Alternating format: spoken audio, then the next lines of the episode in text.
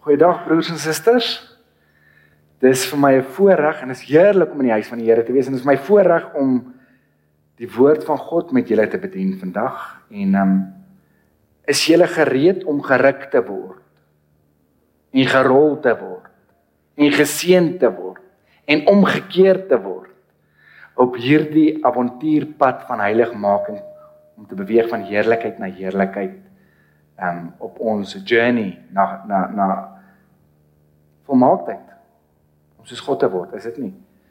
Nou, ek wil vir ons lees in 1 Kronieke 13 is in die Ou Testament 1 Kronieke 13 in my Bybel bladsy 574 die Ou Testament. Dis dan in 1933 53 vertaling. In Kronieke 13 vanaf vers 13 tot 14. Dis miskien 'n baie bekende persoon van wie ek gaan gaan praat vanaand nie, maar dit is iemand wat 'n impak gaan maak vanaand op jou lewe. As jy gaan toelaat en jou oop jou gees gaan oopmaak vir die woord van God.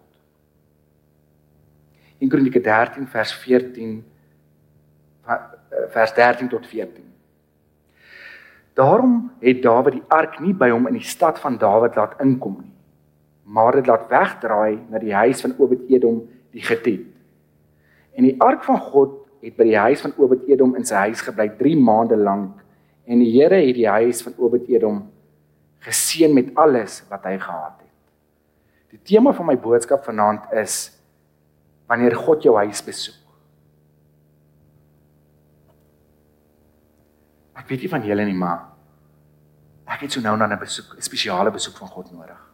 Ons praat nie vanaand van saligmaking nie.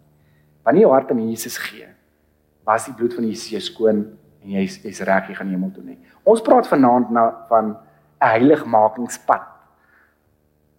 En ons praat van sekere spesiale besoeke. Nou, as jy gaan kyk in die Ou Testament en Nuwe Testament, is daar sekere tye wanneer God sy mense gaan besoek het. En ek wil hê ons moet vanaand 'n bietjie kyk en stil staan by hierdie man Obed-Edom. En ander ouens in die, in die Bybel ook waar God stil gestaan het by hulle huise en hulle magtig geseën het.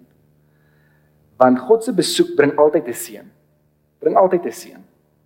Nou net so 'n bietjie geskiedenis van hoe die ark toe nou op die einde van die dag by Obed-Edom uitgekom het. Nou die priester Eli en sy twee korrupte seuns. Hulle het na die ark gekyk in die tempel daardie tyd en toe het omdat God nie omdat God sonde haat het hy die Filistyne die oorhand gegee en hulle die hulle die ark gesteel. Nou ek het laas jaar so 'n bietjie gepraat oor hoe die ark toe nou op die einde van die dag weer teruggekom het in Israel met die koeie onthou jy op die koeie se se rugge en goeters. Maar ja, die Here het toegelaat dat die Filistyne die ark steel want God haat sonde. En Eli en sy seuns Eli nie so seer nie, maar maar hy Hy het nie sy seuns reg gehelp nie. Sy seuns was baie korrup en en die Here het die ark laat steel.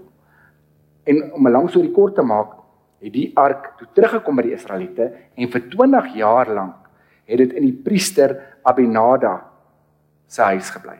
Hy het toe na die ark gekyk, maar tog al snaaks wanneer ons lees in 1 Kronieke 13 staan daar toe die ark by Obed-Edom kom, het die Here sy huis geseën maar nêrens lees ons toe die toe die ark by die priester Abinada se huis was.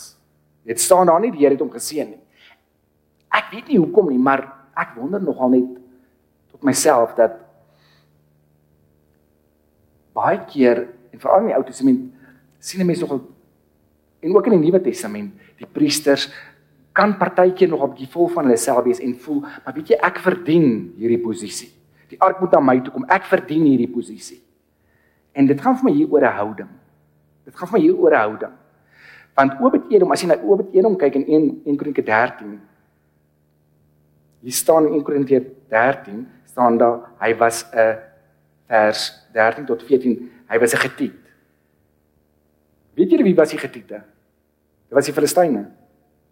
So die ark van God word weggevat na 20 jaar toe koning Dawid besluit, weet jy wat, ek wil nou die ark terugbring Jerusalem toe.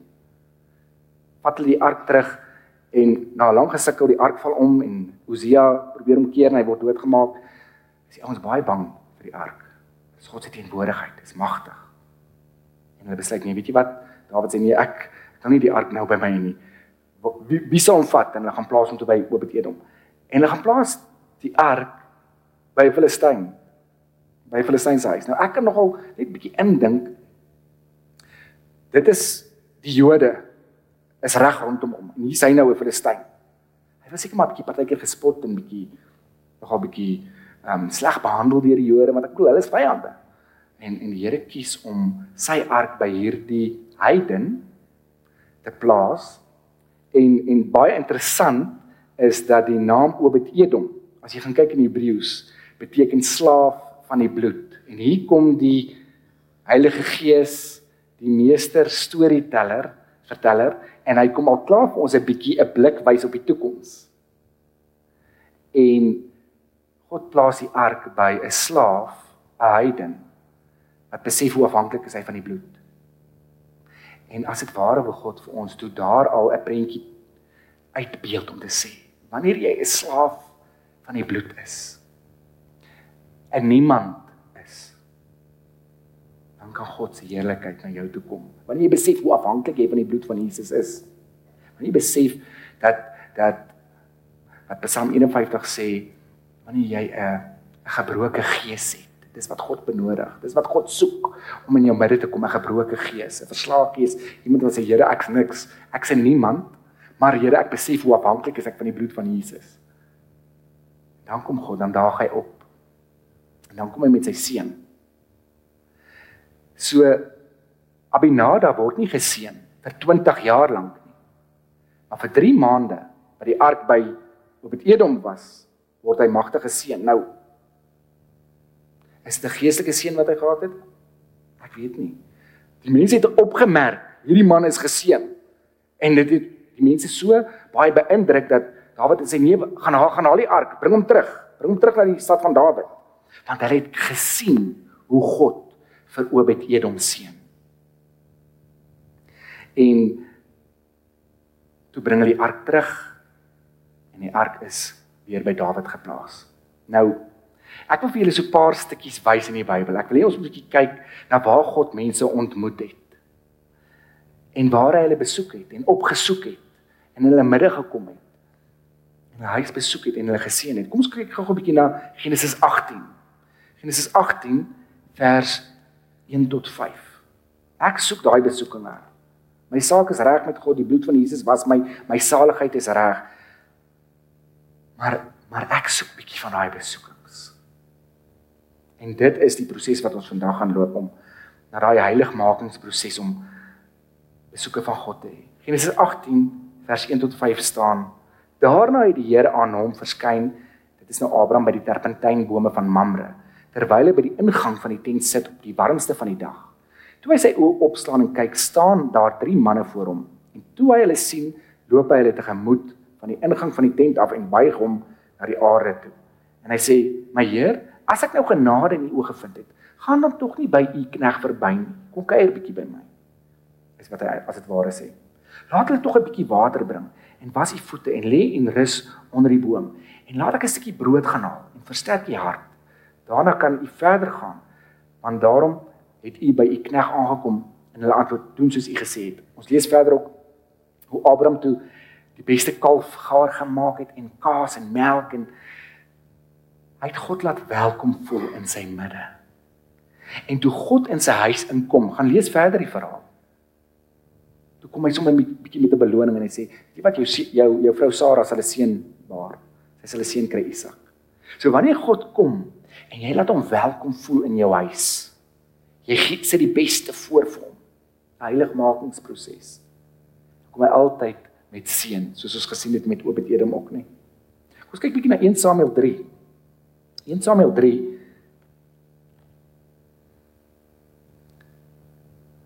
Die verhaal van van die seun Samuel. 1 Samuel 3 vers 1 tot 4. En die seun Samuel het die Here gedien voor Eli. En die woord van die Here was skaars in daardie dae. Onthou julle voor net net nou het ek gesê dat Eli en sy twee korrupte seuns. Die ark was by hulle, maar God het die ark laat laat uh, laat, laat steel Die Here was nie tevrede met Eli se bediening nie, want hy het sonde toegelaat en daarom kan ons nou ook hier sien in vers 1, die Here was die woord van die Here was skaars in daardie dae. Die besoeke van God was skaars in daardie dae as gevolg van Eli en sy seuns. Nou vers 2 in die tyd dan terwyl Eli op sy plek lê en slaap, sy oë het al begin swak word sodat hy nie kon sien nie. Toe die lam van God nog nie dood gegaan het nie en Samuel lê en slaap in die tempel van die Here waar die ark van God was, het die Here na Samuel geroep en hy het geantwoord: "Hier is ek." Ek wil net hierdie versie herhaal, vers 3. Toe die lam van God nog nie dood gegaan het nie en Samuel lê en slaap in die tempel van die Here waar die ark van God was. Samuel was dag en nag in die teenwoordigheid van God. Wanneer jy jou besig hou met die dinge van die Here, dag en nag slaap in die tempel, jou volmaak met die dinge van die Here, dan daag God op. By Eli het dit nie gebeur nie, maar daar was sonde in sy lewe. Onophoudelike sonde. Maar by Samuel het dit gebeur. En daardie dag was daar skaars dat God die mense besoek het. Maar hierdie Samuel was dag en nag in God se teenwoordigheid. Dit wys weer vir ons as dit ware wanneer jy jou in God se teenwoordigheid is en dien. Want Samuel het 'n diener dienersgees gehad. Hy het, hy het Eli gedien. Dan daag God op. En hier kom praat God met Samuel. Hoe fantasties is dit, is dit nie? En dan Lukas 1. Lukas 1 gaan ons nou 'n bietjie na die Nuwe Testament om ook te sien hoe God sy mense ook in die Nuwe Testament keer op keer kom besoek om seën te bring vir mense. Lukas 1 vers vers 5 tot 13. Daar was in die dae van Herodes koning van Judea 'n sekere priester met die naam van Sagaria uit die afdeling van Abia en sy vrou was uit die dogters van Aaron en haar naam was Elisabet. En hulle was albei regverdig voor God en het in al die gebooie en regte van die Here onberisplik gewandel. En hulle het geen kind gehad nie omdat Elisabet onvrugbaar was en albei op vergevorderde leeftyd. En terwyl hy, dis nou Sagaria besig was om die priesterampt voor God te bedien in die beurt van sy afdeling, het die lot volgens priestelike gewoonte op hom geval om in te gaan in die tempel van die Here en reukwerk te brand. En die hele menigte van die volk was buite, besig om te bid op die uur van die reukoffer. Toe verskyn daar aan hom 'n engel van die Here wat aan die regterkant van die reukoffer altaar staan. En as dit verder gaan sien jy hoe God hoe hom sê, hoor jy jou vrou gaan 'n seënbaar um, en dit is toe die die aankondiging van Johannes uh van Elisabet wat Johannes gaan baar. Maar wat my mooi is hier is om te sien die priester Sagaria het God gedien in die tempel. Hy was besig met God. Hy het God gesoek. Hy het reukoffers gebring vir die Here en hy was besig om te bid. En toe verskyn die Here aan hom. Begin jy 'n bietjie sien wanneer kom besoeke van God? Wanneer jy jou besig hou met die Here, wanneer jy dink aan hom, wanneer jy soek na hom, dan kom daag hy op in jou huis. Lukas 24 Ons so 'n paar stukkies lees nog nog so twee voorbeelde. Lukas 24 sien ons hierso vers 13 van die Emmausgangers. Hierdie was twee onbekende ouetjies. Bedroe warm pad wat nou net van Jerusalem afstap nadat Jesus gekruisig is en en vers 13 staan daar in die en twee van hulle was dieselfde dag op pad na 'n dorp wat 8 myl van Jerusalem af was met die naam van Emmaus. Hulle was in gesprek met mekaar oor al hierdie dinge wat voorgeval het. Waarmee was hulle besig? Hulle het gepraat oor Jesus. En terwyl hulle praat en mekaar ondervra, kom Jesus self. Hy daag op, hy besoek hulle. Hy kom soek hulle op en hy loop met hulle saam. Maar hulle oos weerhou sodat hulle hom nie kon herken nie. En hy sê vir hulle: "Watter woorde is dit wat julle met mekaar loop en wissel? En waarom is julle so bedroef?" Hierdie twee ouens was besig op hierdie droë warm pad. Hulle was hartseer, hulle het hulle het droefheid gehad wat geskryf was op hulle gesigte. As hulle besig om te praat oor Jesus. En Jesus daag op, hy kom soek hulle op. Psalm 34 sê dat die Here is naby die wat gebroken is van hart. Wanneer jy 'n verslaag gees het, wanneer jy voel ek is nie die moeite werd nie, Here, ek het U nodig in my lewe en jy voel bedroef en jy het 'n gebroke hart. God sien dit raak. Hy passie vir hulle wat 'n gebreekte hart het en hy daag op en hy loop saam met hulle Fantasties is dit. Hy loop saam met hierdie twee onbekende ouetjies. Hulle is nie disippels nie. Hy hy soek hulle op en hy loop saam met hulle want hulle het hulle besig gehou met die dinge van Jesus. Hulle het gepraat oor hom.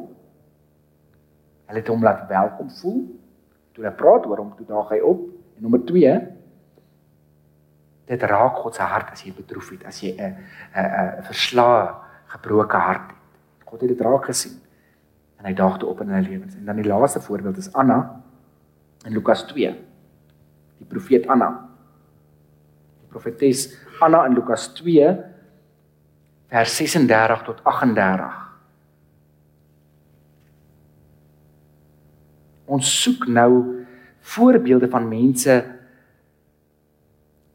waar God in hulle lewens opgedaag het en hulle kom seën het. En ek wil vir julle voorbeelde uitwys van van hoe ons ook God welkom kan laat maak en laat voel in ons lewens sodat hy kan opdaag in ons lewens. Lukas 2 vers 36 tot 38 staan daar.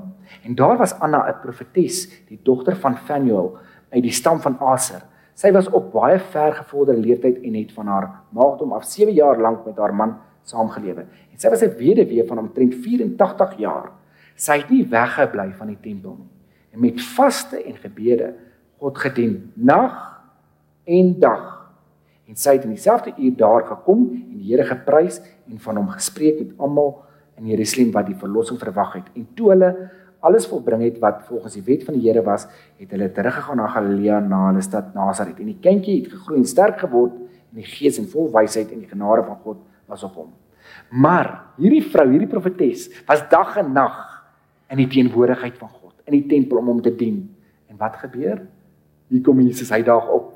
Sy sien Jesus. Sy sien Jesus met haar eie oë toe Jesus toegewy word daar in die tempel. Nou, kom ons gaan 'n bietjie terug gou na na Obed-Edom. Die slaaf van die bloed, die Filistyn, die heiden, die niemand. Obed-Edom. En dan kyk ons gou-gou na 1 Kronieke 15. Want hier was hy die ark nou in sy huis. Ons het nou 'n paar voorbeelde vir julle genoem van wanneer God opdaag in jou lewe, in jou huis. En hoe God kan opdaag in jou lewe en hoe God jou seën met sy teenwoordigheid. En hy bring altyd 'n seën saam met hom wanneer hy jou besoek. In Obed-Edom se geval het dit so goed gegaan met hom. Kom ons gaan na 1 Kronieke 15 toe, dan sien ons want na die 3 maande verby is en koning Dawid het gesê, "Hoor die ouens, kom ons vat die ark terug na die stad van Dawid toe." Toe wou Obed-Edom eintlik niks daarvan weet nie en hy en hy het al sy goed opgepak en hy het saamgegaan. Hy het al hy sy huis verkoop, hy het sy familie gevat, hy het alles gevat en hy het saam Jerusalem toe gegaan want hy het geproe. Hy het die teenwoordigheid van God geproe en hy het sê ek kan nie sonder dit klaarkom nie. En hy gaan en hy gaan Jerusalem toe en daar in 1 Kronieke 15 vers 18 tot 24 staan daar so van 18 tot 24 en saam met hulle hul broers van die twee rang Sagaria en Jasel al daai ouens se name Uni, Elia, Benaja, Mas Maseja en hier sien julle sy naam en Obed-Edom die poortwagters. Hy het toe gegaan en hy het aangemeld vir diens want hy het geproef van die teenwoordigheid van God en hy het gesê Here moet my nie verlaat nie asseblief ek is 'n slaaf van die bloed. Ek het u nodig. Ek is 'n niemand maar ek het bietjie geproef van u teenwoordigheid in my huis en hy het saamgegaan en daar so het hy aangemeld vir diens en hy het 'n poortwagter geword. Hy wou net naby aan die teenwoordigheid van God van God kom. So hy het 'n poortwagter geword en ook 'n 'n 'n musiekspeler en 'n lofpryser en aanbidder. Hy het algemeld vir enige tipe diens waar hy net naby aan die ark kon kom, die naby aan God se teenwoordigheid want u sien, hy het geproe die heerlikheid van God, die teenwoordigheid van God. En dan in 1 Kronieke 16 vers 37 tot 38 stop dit nie daar nie. 1 Kronieke 16 vers 37 tot 38. Hier kom die kruks.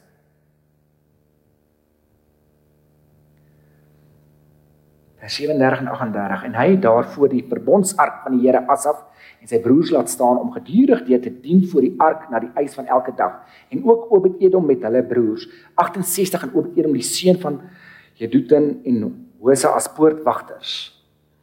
So hierso sien ons dat Hulle was poortwagters. Hulle het dag en nag daar in God se teenwoordigheid voor die ark het hulle daarso gaan gaan wag hou net om naby God te wees.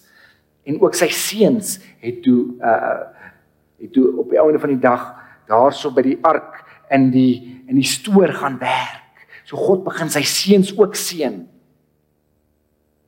Hoe wonderlik is dit want as jy nou gaan kyk na 1 Kronieke 26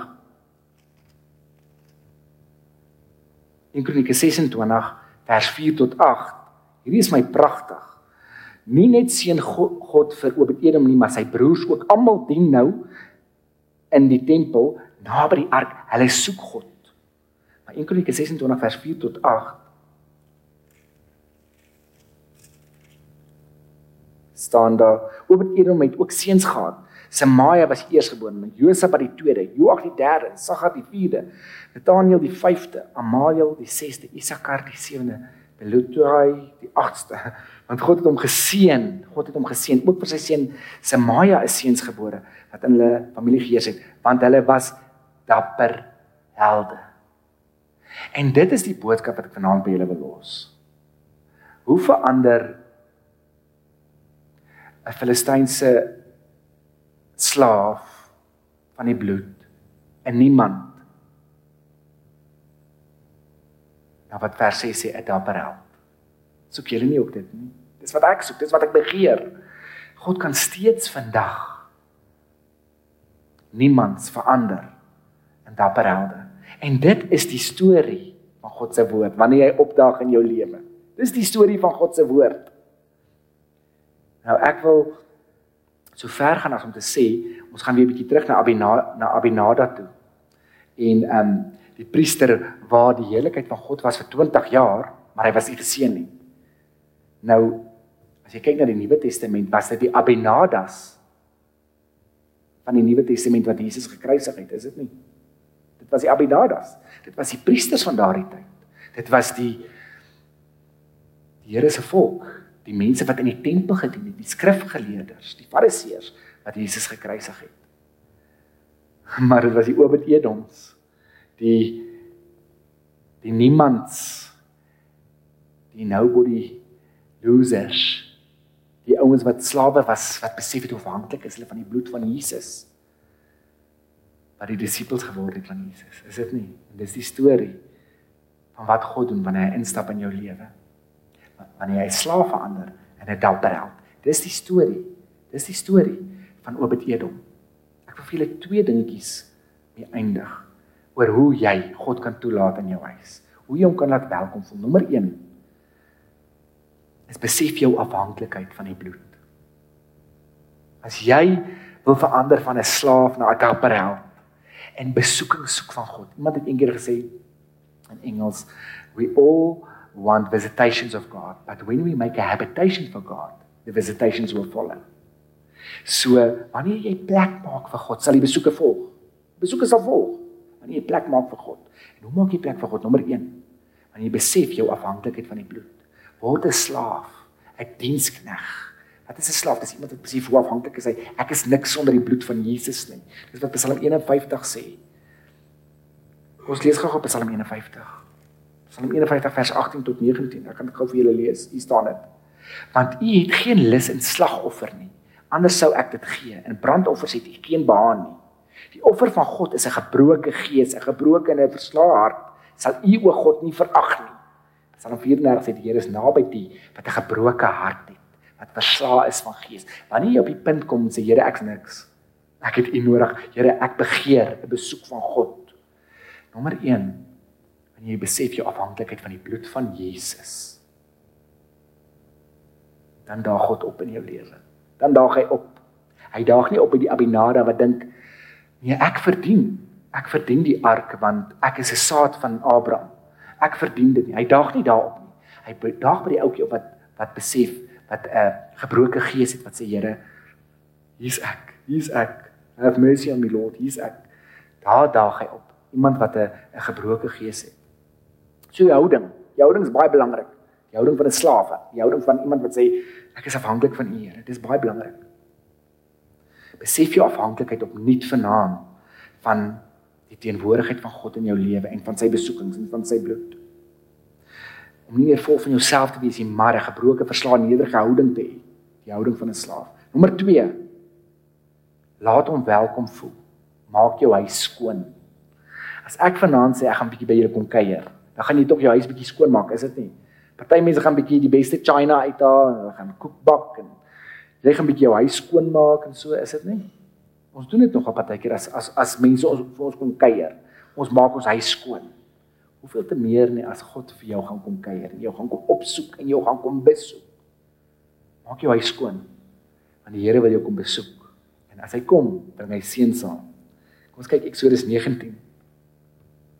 Eksodus 19 gaan ek sommer gou-gou vir julle lees. Eksodus 19 vers 10. Verder het die Here aan Moses gesê: "Gaan na die volk en heilig hulle vandag en môre en laat hulle hulle klere was en hulle gereed hou teen die derde dag, want op die derde dag sal die Here voor die oë van die hele volk op die berg Sinaï afdaal. Die Here wil hê jy moet jou klere was. Die Here wil hê jy moet jou skoon maak. Hy's 'n heilige God. Hy's 'n heilige God. Hy het die ark weggevat van Eliele af. Die Filistyne het die ark gesteel omdat hulle nie heiligmaking nagestreef het nie. So dis belangrik vir ons ook dat ons heiligmaking moet nastreef.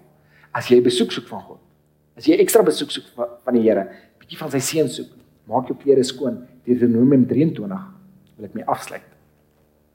Deuteronomium 23 vers 14. Want die Here jou God wandel midde in jou laar om jou te red en jou vyande aan jou oor te gee. Daarom moet jy jou laar heilig wees sodat hy niks skandeliks by jou mag sien en hom van jou afwend nie. Die Here beweeg in jou in, in jou midde. En as jy wil jy moet in jou tent kom in jou huis besoek kom af lê. Maak jou huis skoon. Maak jou huis skoon. Streef heiligmaking na. Nou dit gaan nie oor saligmaking nie. Dit gaan hier so oor heiligmaking. Dit gaan hier so om ekstra besoeke van God te kry. So ek wil afsluit vanaand deur om te sê dat dat God verander steeds slawe. Hy verander steeds Obed-Edoms in dapper helde. Hy kies vandag nie die die Abinadas die ouens wat dink hulle weet alles en wat voel hulle is geregtig op sekere dinge nie. Hy kies die ouetjies wat besef, Here, ek's afhanklik van U. Ek het U nodig. En ehm um, ek wil vra dat ehm um, dat Roar vir ons 'n uh, bietjie kom speel, dan wil ek net vir ons kom bid. En en vir julle kom vra as daar enige iemand is wat voel, man, ek het vandag bietjie ek het 'n besoek nodig. Ek het 'n besoek van die Here nodig. En ek weet ek gaan hemel toe. My saak is reg met God, maar ek het 'n besoek nodig van van die Here. As daar so iemand is vandag wat sê, Here kom, ek het U nodig, staan op dan dan bid ek gou vir ons saam.